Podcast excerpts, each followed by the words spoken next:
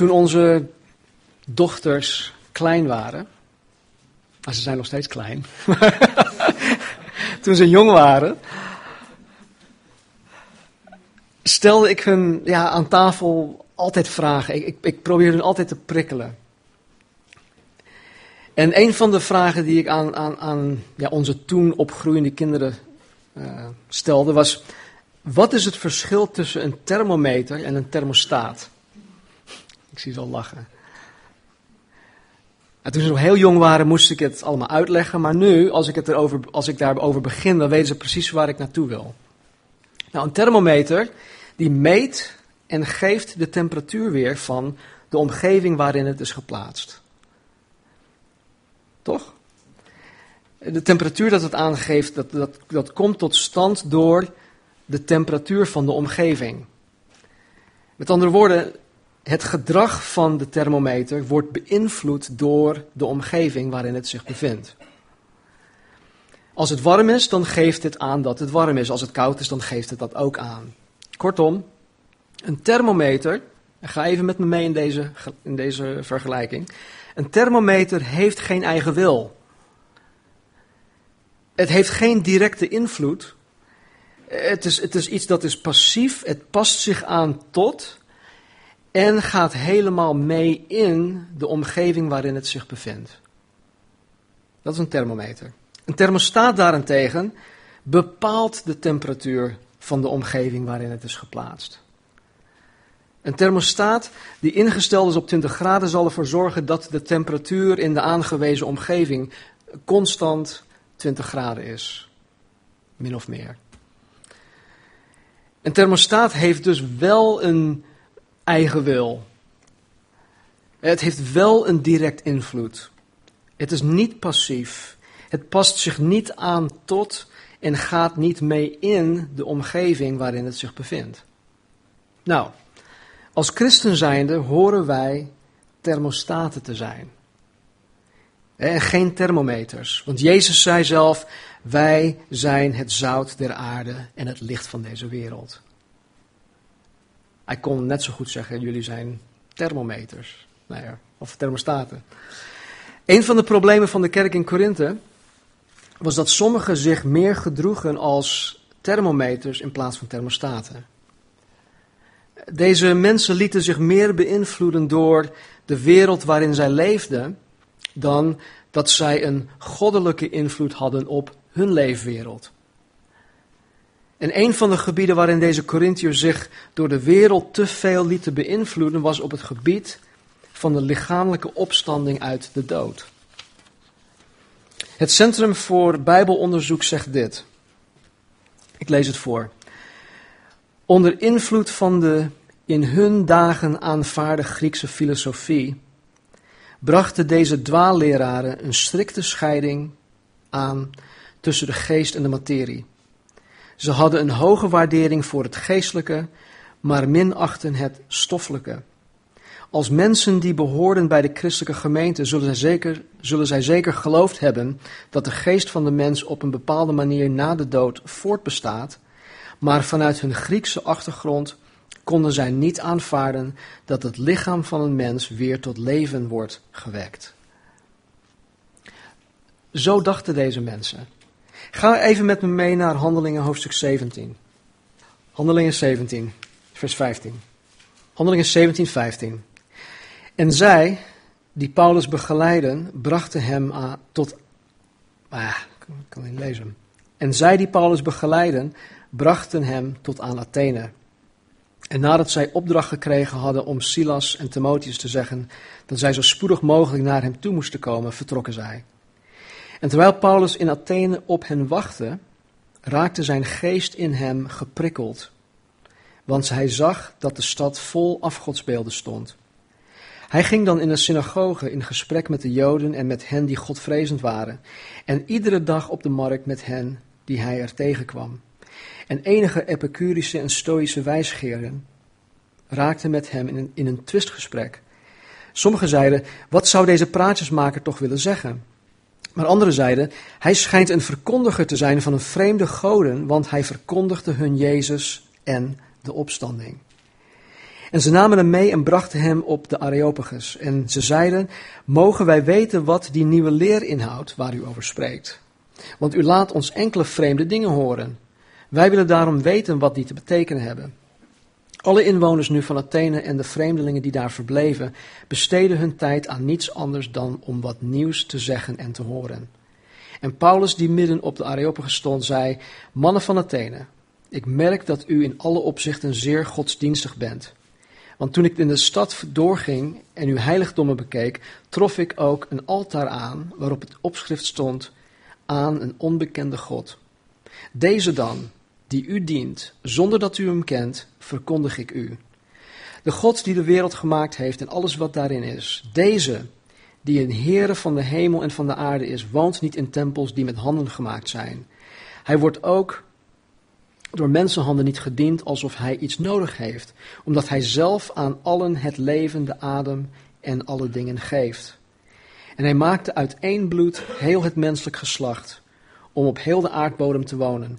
En hij heeft, de, van en hij heeft hun van tevoren toegemeten tijden bepaald en de grenzen van hun woongebied, opdat zij de Heere zouden zoeken, of zij hem misschien al tastend zouden mogen vinden, hoewel hij niet ver is van ieder van ons. Want in hem leven wij, bewegen wij ons en bestaan wij. Zoals ook enkele van uw dichters gezegd hebben, want wij zijn ook van zijn geslacht. Wij nu, die van Gods geslacht zijn, moeten niet denken dat de Godheid gelijk is aan goud, zilver of steen, een product van de kunstzinnigheid en gedachten van de mens.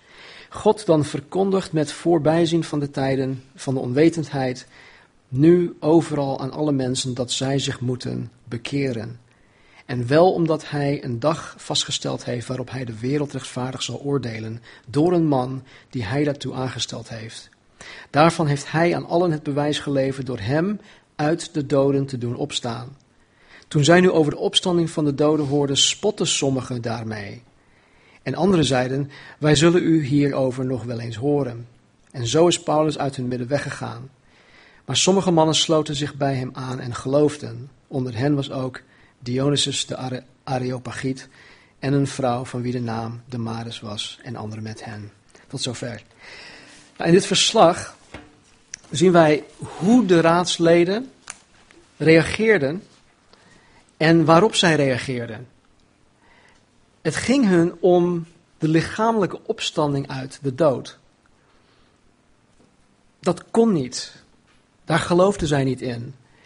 Dus toen Paulus daar sprak over de opstanding van Jezus uit de dood, toen zag ze: hé, hey, hey, dat is iets nieuws. Dat, of dat klopt niet, daar willen we niks van weten, of hé, hey, we, we willen je later nog eens een keertje horen. Er is niemand van, van die wereld geloofde in deze opstanding. En deze denkwijze had helaas nog steeds invloed op sommige christen, christenen in de kerk in Korinthe. En Paulus probeert dus door middel van hoofdstuk 15 deze misleide christenen uh, op het goede pad te brengen. Dus laten we nu gaan naar 1 Korinthe hoofdstuk 15. En dan pakken we het vanmorgen op in vers 12. Als nu van Christus gepredikt wordt dat hij uit de doden is opgewekt, hoe kunnen sommigen onder u dan zeggen dat er geen opstanding van de doden is? En als er geen opstanding van de doden is, dan is Christus ook niet opgewekt. En als Christus niet opgewekt is, dan is onze prediking zonder inhoud en zonder inhoud is ook uw geloof. En dan blijken wij ook valse getuigen van God te zijn. We hebben namelijk van God getuigd dat hij Christus heeft opgewekt, terwijl hij die niet, terwijl hij die niet heeft opgewekt, als inderdaad de doden niet opgewekt worden. Immers, als de doden niet opgewekt worden, is ook Christus niet opgewekt. En als Christus niet opgewekt is, is uw geloof zinloos. U bent dan nog in uw zonden. Dan zijn ook zij die in Christus ontslapen zijn verloren.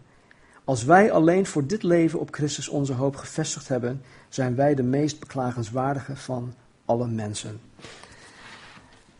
Nou, in het eerste gedeelte wat we vorige week hebben behandeld, vers 1 tot en met 11, zien we dat Paulus bevestigt dat hij um, het evangelie aan hun had gebracht. En dat het dezelfde evangelie is dat, dat de andere apostelen ook verkondigen. En dat het gegrond is in de opstanding van Jezus Christus. En hij zegt hiermee dat de opstanding van Jezus centraal staat in hun geloof, in het evangelie. In, uh, in vers 1 en 2 zegt hij, verder maak ik u bekend, broeders, het evangelie. Dat ik u verkondigd heb dat u ook aangenomen hebt, waarin u ook staat, waardoor u ook zalig wordt, als u eraan vasthoudt, zoals ik het u verkondigd heb, tenzij dat u het vergeefs geloofd hebt. Dus zoals ik het verkondigd heb, met andere woorden, inclusief de opstanding van Jezus Christus. En dan legt hij in vers 3 en 4 het evangelie uit. Vervolgens geeft hij aan dat Jezus na zijn lichamelijke opstanding uit de dood aan vele ooggetuigen is verschenen. Waarvan de meeste nog leefden, zei hij. En in vers 11 zegt Paulus, zo prediken wij en zo hebt u geloofd. Er is met andere woorden, dit is wat wij jullie verteld hebben en dit is waarin jullie hebben geloofd. Vers 12. Als nu van Christus gepredikt wordt dat hij uit de doden is opgewekt, hoe kunnen sommigen onder u dan zeggen dat er geen opstanding van de doden is? En als er geen opstanding is van de doden, dan is Christus ook niet opgewekt.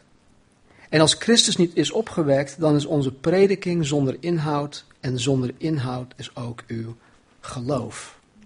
Zonder inhoud. Denk even met me mee. Denk aan, aan alle menselijke interacties die, die zich in de afgelopen twee jaar plaats hebben gevonden. Het zij één op één of het zij in, groep, het zij in groepsverband. Alle al deze interacties waarin het evangelie van Jezus Christus centraal stond. 2000 jaar lang. Elke dag, rond de hele wereld. Denk ook aan uh, hoeveel preken er in de afgelopen 2000 jaar gepredikt zijn. Preken waarin de, de, de opstanding van Jezus Christus centraal staat. Denk aan alle dagen van je leven waarin je in de opstanding van Jezus hebt geloofd tot nu toe. Hoeveel dagen zijn het wel? Voor mij zijn het heel veel dagen. Denk aan alle gebeden die opgegaan zijn tot de opgestane Heer. Denk aan alle Bijbelstudies die je hebt gehad of gedaan of gehouden. Denk aan alle vormen van lofprijs en aanbidding aan Jezus die opgestaan is uit de dood. Denk aan alle samenkomsten die je als christen zijnde hebt bijgewoond. Denk aan alle momenten van fellowship die je in je christelijk bestaan hebt ervaren. Als Jezus niet uit de dood is opgestaan, dan zijn alle menselijke interacties, alle gesprekken, alle bijbelstudies, alle samenkomsten, alle preken, al die dingen van de afgelopen 2000 jaar en alle bijbelstudies en preken en alle informatie wat, op, wat, wat in druk staat en wat, in, uh, wat op het internet staat, dan, dan zijn al deze dingen zonder inhoud. Dan zijn al deze dingen volkomen nutteloos en zinloos. 2000 jaar lang. Als Jezus niet uit de dood is opgestaan, dan geloven wij in iets dat niet bestaat. Kijk, de wereld gelooft dat wij in iets geloven dat niet bestaat. Maar goed, dat is hun pakje aan. En het is aan ons om hun het tegendeel te bewijzen. Maar wij hier in de gemeente, wij moeten zeker weten dat wij niet in iets niets geloven. Wij geloven in de waarheid.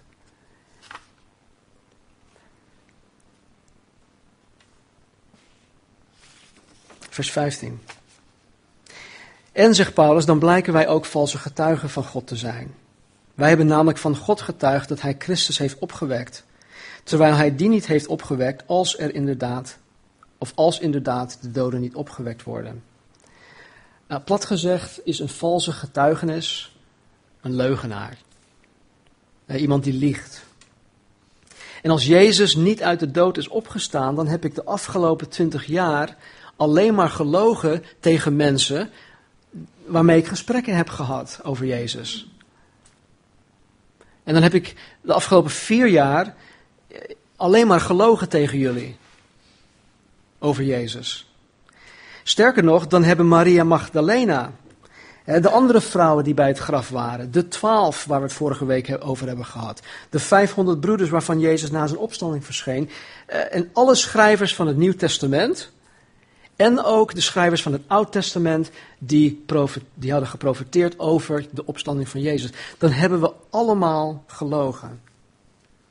Kortom, als Jezus niet lichamelijk uit de dood is opgestaan, dan hebben alle mensen in de afgelopen 2000 jaar, hè, wij, wij ook, dan hebben we allemaal gelogen. Vers 16. Immers, als de doden niet opgewekt worden, is ook Christus niet opgewekt. En als Christus niet opgewekt is, is uw geloof zinloos. U bent dan nog in uw zonde. Nou, vorige week, in vers 1 tot en met 11, hebben we gezien dat ieder mens een zondaar is. En dat God de zondaar moet veroordelen. En dat hij de zondaar heeft veroordeeld tot de dood. De geestelijke dood, hè, nu gescheiden zijn van God, geen relatie met Hem. En uiteindelijk ook de eeuwige dood. Ook hebben we gezien dat God de mens de mogelijkheid biedt om deze dood te ontkomen. Dat is het goede nieuws, dat is het evangelie. Wij hoeven niet dood te zijn. Niet in dit leven en ook niet in de eeuwigheid. Dat hoeft niet. En dat is het goede nieuws. naast het feit dat de zonde tot de dood leidt, zijn er, terwijl wij hier op aarde leven, heel veel symptomen van de zonde waarmee de mens te kampen heeft. Heel veel symptomen. Uiteindelijk leidt de dood, of leidt de zonde, tot een langzame dood. En, en hoe je het ook bekijkt, hoe je het ook wendt of keert, de zonde eist altijd zijn tol. Volgens Romeinen 1, vers 21 maakt zonde de mens ondankbaar. Zonde maakt de mens nutteloos en dwaas in hun denken. Zonde maakt de mens in hun harten van onbegrip verblind voor de waarheid, zegt Paulus. Nou, ondankbaarheid, ondankbaarheid maakt de mens alleen maar zuur of verbitterd. Iemand die ondankbaar is, benadrukt continu de negatieve kant van het leven. En, en, ze zien nooit in hoe goed hij of zij het heeft. En zo'n persoon is niet gelukkig te krijgen. Want er is altijd iets in zijn of haar leven dat niet goed is. Iemand die nutteloos en dwaas is in zijn denken kan, kan onder andere omschreven worden als iemand die gewoon poep eigenwijs is. En een eigenwijs iemand is niet in staat om te leren. Eigenwijze mensen kunnen niks leren. Ze nemen niks van je aan, want hij of zij die weten alles al. En hetzelfde geldt voor iemand die verblind is voor de waarheid. Eh, die kan de waarheid niet zien, laat staan dat zij de waarheid kunnen aanvaarden. En zo'n persoon zal zijn hele leven lang de leugen najagen. Hij zal zich alleen maar richten op de onhaalbare dromen die de Satan hem voorhoudt. Volgens Romeinen 1, vers 24 levert God de hardnekkige zondaar over aan zijn of haar begeerte van het hart tot seksuele onreinheid. En mensen die overgeleverd zijn aan hun begeerte, die, die bedrijven allerlei vormen van seksuele zonde. God heeft de seksuele gemeenschap bedoeld voor één man en één vrouw binnen het huwelijk. Dus niet voor het huwelijk en ook niet naast het huwelijk. Denk even aan alle gevolgen van de losbandigheid van onze samenleving. En, tegenwoordig is het allemaal normaal. En niemand ziet meer dat het fout is of dat het anders kan. Denk aan de SOA's. Onder de middelbare scholieren alleen al. HIV-besmetting, AIDS. Denk aan de gebroken relaties, de gebroken harten, de gebroken zielen van mensen. Denk aan gebroken gezinnen. Denk aan de verkrachtingen, pedofilie en al dat soort dingen, met alle gevolgen van dien. Naast al deze dingen maakt de zonde de mens egoïstisch. Het maakt de mens eigenwijs, het maakt de mens trots, het maakt de mens overtuigd van eigen goedheid. De zonde geeft de mens een hoge eigendunk. Het maakt de mens hatelijk. Het maakt de mens haatdragend, ook onvergeeflijk. Zonde maakt de mens jaloers, vijandig, achterbaks, afgunstig. Zonde laat de lust in de mens zijn vrije gang gaan op allerlei verschillende gebieden. Er is media zat. En zonde laat de lust in de mens zijn vrije gang gaan. Op het internet, dvd's, magazines, tv, de roze buurt, noem maar op. Zonde houdt de pornografische industrie, de prostitutie, vrouwenhandel en al deze dingen allemaal in stand. En al deze dingen zijn bedoeld om de mens tot een langzame en pijnlijke dood te brengen. Een langzame en pijnlijke dood. En als Jezus Christus niet lichamelijk uit de dood was opgestaan, dan zouden wij nog steeds in de greep zijn van de zonde. Met alle gevolgen van dien. Weet je, af en toe heb ik wel eens dit, dit soort gesprekken met Marnie. Ik zeg, joh, ik vraag me af hoe mijn leven er nu zou uitzien als Jezus Christus mij niet gegrepen had. Nee, dan waren we waarschijnlijk niet, niet meer samen. Ik weet dat jij, dat jij er ook wel eens over nadenkt. Achter de tralies. Ja. Lieve boef. Vers 18. Dan zijn ook zij die in Christus ontslapen zijn verloren. En met andere woorden, als Jezus niet opgestaan is uit de dood, dan zijn de gelovigen die inmiddels gestorven zijn, de eeuwige dood tegemoet gekomen. Vers 19. Als wij alleen voor dit leven op Christus onze hoop gevestigd hebben, zijn wij de meest beklagenswaardige of ellendige van alle mensen. Waarom, waarom zegt Paulus dit? Als wij alleen voor dit leven, hè, dus dit leven hier op aarde, op Christus onze hoop gevestigd hebben, zijn wij de meest beklagenswaardige of ellendige van alle mensen. Waarom, waarom zegt hij dat? Is het leven met Christus hier op aarde dan, dan zinloos? Is het dan niets waard? Als ik sommige welvaartspredikers moet geloven, dan is het leven hier op aarde het, het allerbelangrijkste dat er is. Ik moest lachen, joh. Ik, uh, toen ik eerst, toen ik pas tot geloof kwam. Ik kwam net uit de zakenwereld en ik uh, had allerlei ambities. En uh, ik proefde van verschillende bedieningen en zo. En, en een van die gasten, die, die, die, die had een hele grote bediening ergens in L.A. En hij reed in een hele vette Rolls Royce. En, en, en zijn, zijn, ja, hoe hij dat kon rechtvaardigen was, ik ben een koningskind. Koningskinderen die zijn, die zijn rijk. Wij horen rijk te zijn, wij horen mooie auto's te rijden en, en noem maar op.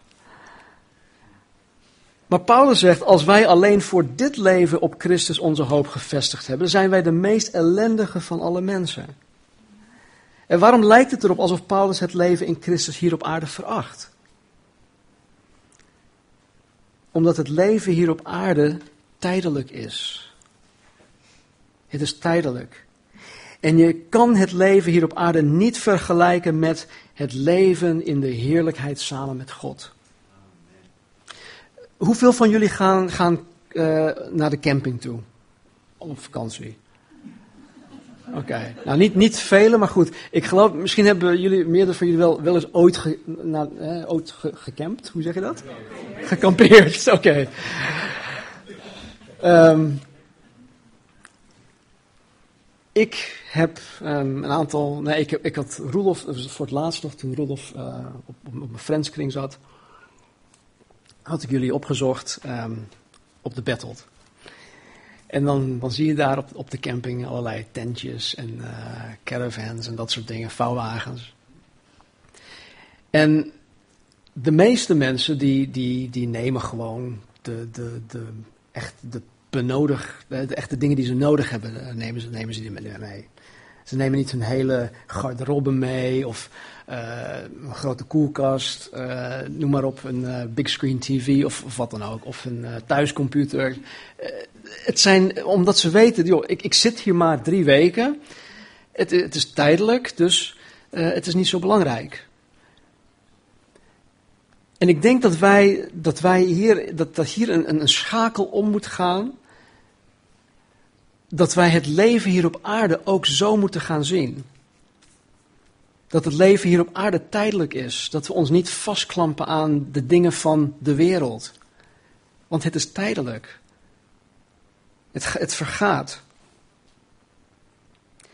Maar ik vrees dat, dat te veel christenen zich aan het aards leven hechten. Paulus zegt hiermee dat als wij na ons sterven toch verloren gaan, als wij toch de eeuwige dood tegemoet komen, dat wil zeggen dat wij in de hel belanden, dan zijn wij de meest ellendig van alle mensen. En maar waarom?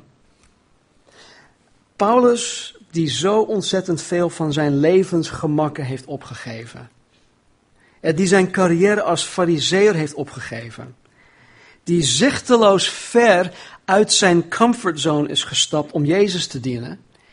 Deze Paulus weet als geen ander dat als het alleen maar om het leven hier op aarde ging, dat hij de meest ellendig mens was. Dat hij dwaas was in zijn, in zijn denken. In 2 Korinthe 11, vers 23 zegt hij dit, tot met 29. Hij zegt, ik heb harder gezwoegd dan alle anderen. Ik heb vaker gevangen gezeten, heb veel meer lijfstraffen ondergaan, ben vaker in doodsgevaar geweest. Door de Joden ben ik vijfmaal met veertig min één zweepslagen gestraft. Ik ben driemaal met stokslagen gestraft. Ik ben eenmaal gestenigd, ofwel met stenen bekogeld, en heb driemaal schipbreuk geleden. Eén keer heb ik een heel etmaal op de zee rondgedreven. Voortdurend was ik onderweg, bedreigd door rivieren, rovers, volksgenoten en vreemdelingen. In gevaar in de stad, in de woestijn, op zee en te midden van schijngelovigen.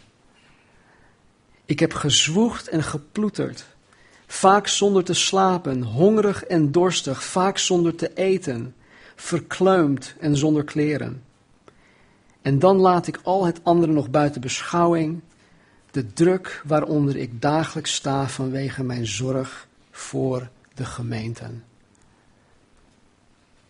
Als er iemand zwak is, dan ben ik het wel, zegt hij. Gaan anderen onder verleiding gebukt, ik word erdoor verteerd. Dat is uit de nieuwe Bijbelvertaling. Zou Paulus al het lijden hebben kunnen doorstaan als het alleen maar ging om het leven hier op aarde? Als Paulus geen zekerheid had op het leven na de dood, denk je dat hij zijn leven uh, voor Jezus uh, zou hebben gegeven? En wat, wat dacht je van Stefanus in Handelingen hoofdstuk 7? Die gestenigd werd omdat hij van de opgestane Heer had getuigd. In Handelingen 7, vers 55 staat dit. Maar hij, Stefanus, vol van de Heilige Geest, hield zijn ogen naar de hemel gericht en zag de heerlijkheid van God en Jezus, die aan de rechterhand van God stond. En hij zei, zie, ik zie de hemelen geopend en de zoon des mensen aan de rechterhand van God staan. Dus terwijl hij daar gestenigd werd, gaf God hem in de geestwereld, geestelijke wereld, een blik in de hemel. En hij zag de opgestane Heer staan naast de Vader om hem tot zich te nemen, om hem te ontvangen. Hij zag de opgestane Heer. Jacobus, de broer van Johannes, die onthoofd werd. En Marcus, die verbrand werd. Bartholomeus, die in elkaar geslagen werd. Hij werd vervolgens gekruisigd en onthoofd. Petrus, die ondersteboven gekruisigd werd, omdat hij zichzelf niet waardig achtte om op dezelfde manier gekruisigd te worden als zijn Heer.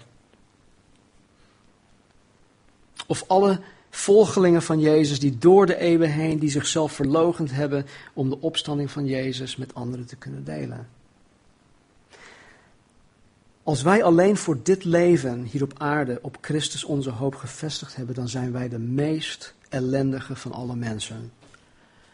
Want als er niets beter is na de dood, wie van ons zou zichzelf dan nog verloochenen?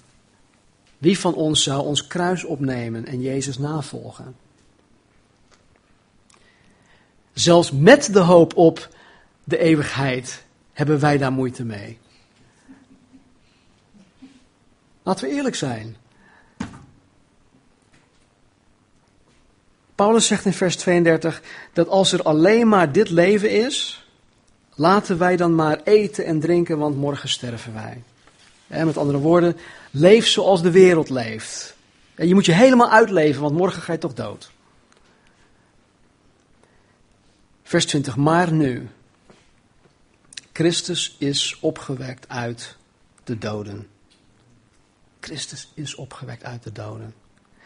Mensen, onze hoop in Christus ligt nu vanmorgen in het feit dat wij verlost zijn van de zonde.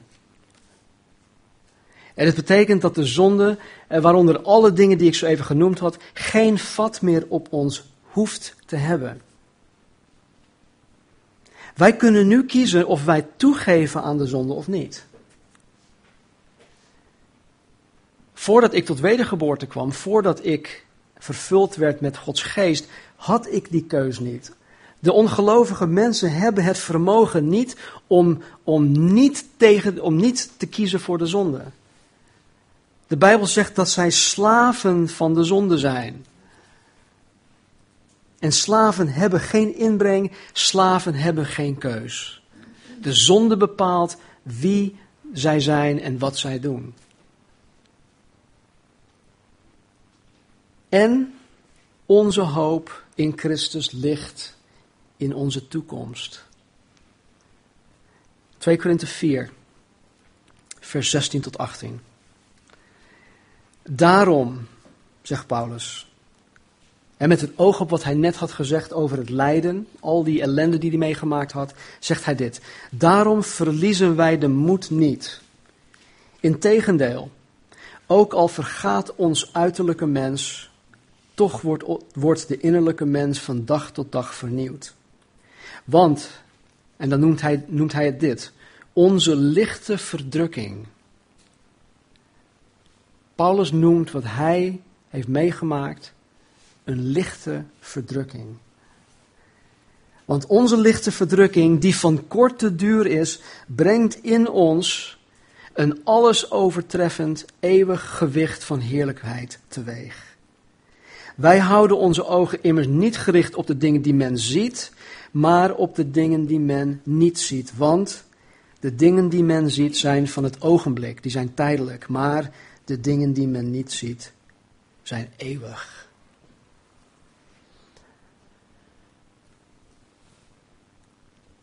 Onze hoop in Christus ligt in de toekomst. Laten we bidden. Vader, dank u wel. Dank u wel voor uw woord, die ons gegeven heeft, Heer. Vader, dat uw Heilige Geest onze harten, ons verstand belicht om, om uw woord te kunnen begrijpen, om uw woord tot ons te kunnen nemen en om daders te zijn en worden van uw woord. Heer, ik ben zo dankbaar voor het voorbeeld van Jezus Christus, Heer. Hij is ons grootste voorbeeld. Tegelijkertijd ben ik ook zo dankbaar, Heer, voor de, voor de apostel Paulus. En hier zoals Paulus ook, ook zei in, in de eerste elf versen, dat hij zichzelf meer dan alle anderen heeft ingezet. Heer, voor het werk van uw koninkrijk. uitputting aan toe. Opdat de genade die hem gegeven is niet te vergeef zou zijn. Heer, dat wil ik ook zo graag. Heer, ik wil niet dat u ooit zal zeggen van, oh wat zonde. Ik heb Stan Marinus zoveel genade geschonken en kijk wat hij ermee heeft gedaan. Heeft het ver, verspild. Heer, misschien zijn wij, ik, wij als gemeente, wij als individuen, Heer, niet, niet, niet trouw geweest tot op dit moment. Heer, schenk ons bekering. Heer, dat nooit van, van ons gezegd kan worden dat de genade die u ons gegeven heeft te vergeefs is. En Heer, help ons. Heer, help ons om continu onze relatie met u op te bouwen. Onze relaties met elkaar. Help ons, heren, om de opgestane heren niet alleen te zien voor onszelf, maar om, om hem met anderen te delen. Zoals Andreas tegen zijn broer Peter zei, kom en zie. Heren, laten wij ook die instelling hebben met anderen. Ik dank u, Vader, voor de verhalen die ik gehoord heb deze week. Van mensen die, die het evangelie hebben mogen delen met anderen. Dank u, Heer, dat u deze mensen hebt bewogen, bewogen hebt om, om, om dat te doen. Ondanks alle angst, ondanks ehm, ja, hoe moeizaam het ook gegaan is in sommige gevallen. Heer, ze hebben het gedaan. Heer, geef ons vrijmoedigheid. Geef ons de kracht, geef ons het lef om het evangelie, de volledige evangelie, hier met mensen te delen. Zegen ons, Heer, vandaag, deze week. Breng ons ook allemaal veilig thuis. En um, Heer, we zien uit naar wat u aanstaande vrijdag gaat doen. Ook aanstaande zondag, Heer wanneer de Meerkerk geen diensten houdt. Misschien zullen sommige broers en zussen van de Meerkerk hier naartoe komen. Heer, stel ons in staat om, om ook deze broers en zussen hier in liefde en in genade te mogen dienen. Help ons, Heer. En uh, stel ons tot zegen vandaag. In Jezus' naam. Amen. Laten we staan. Het is wel heel kort, maar het, het zegt veel.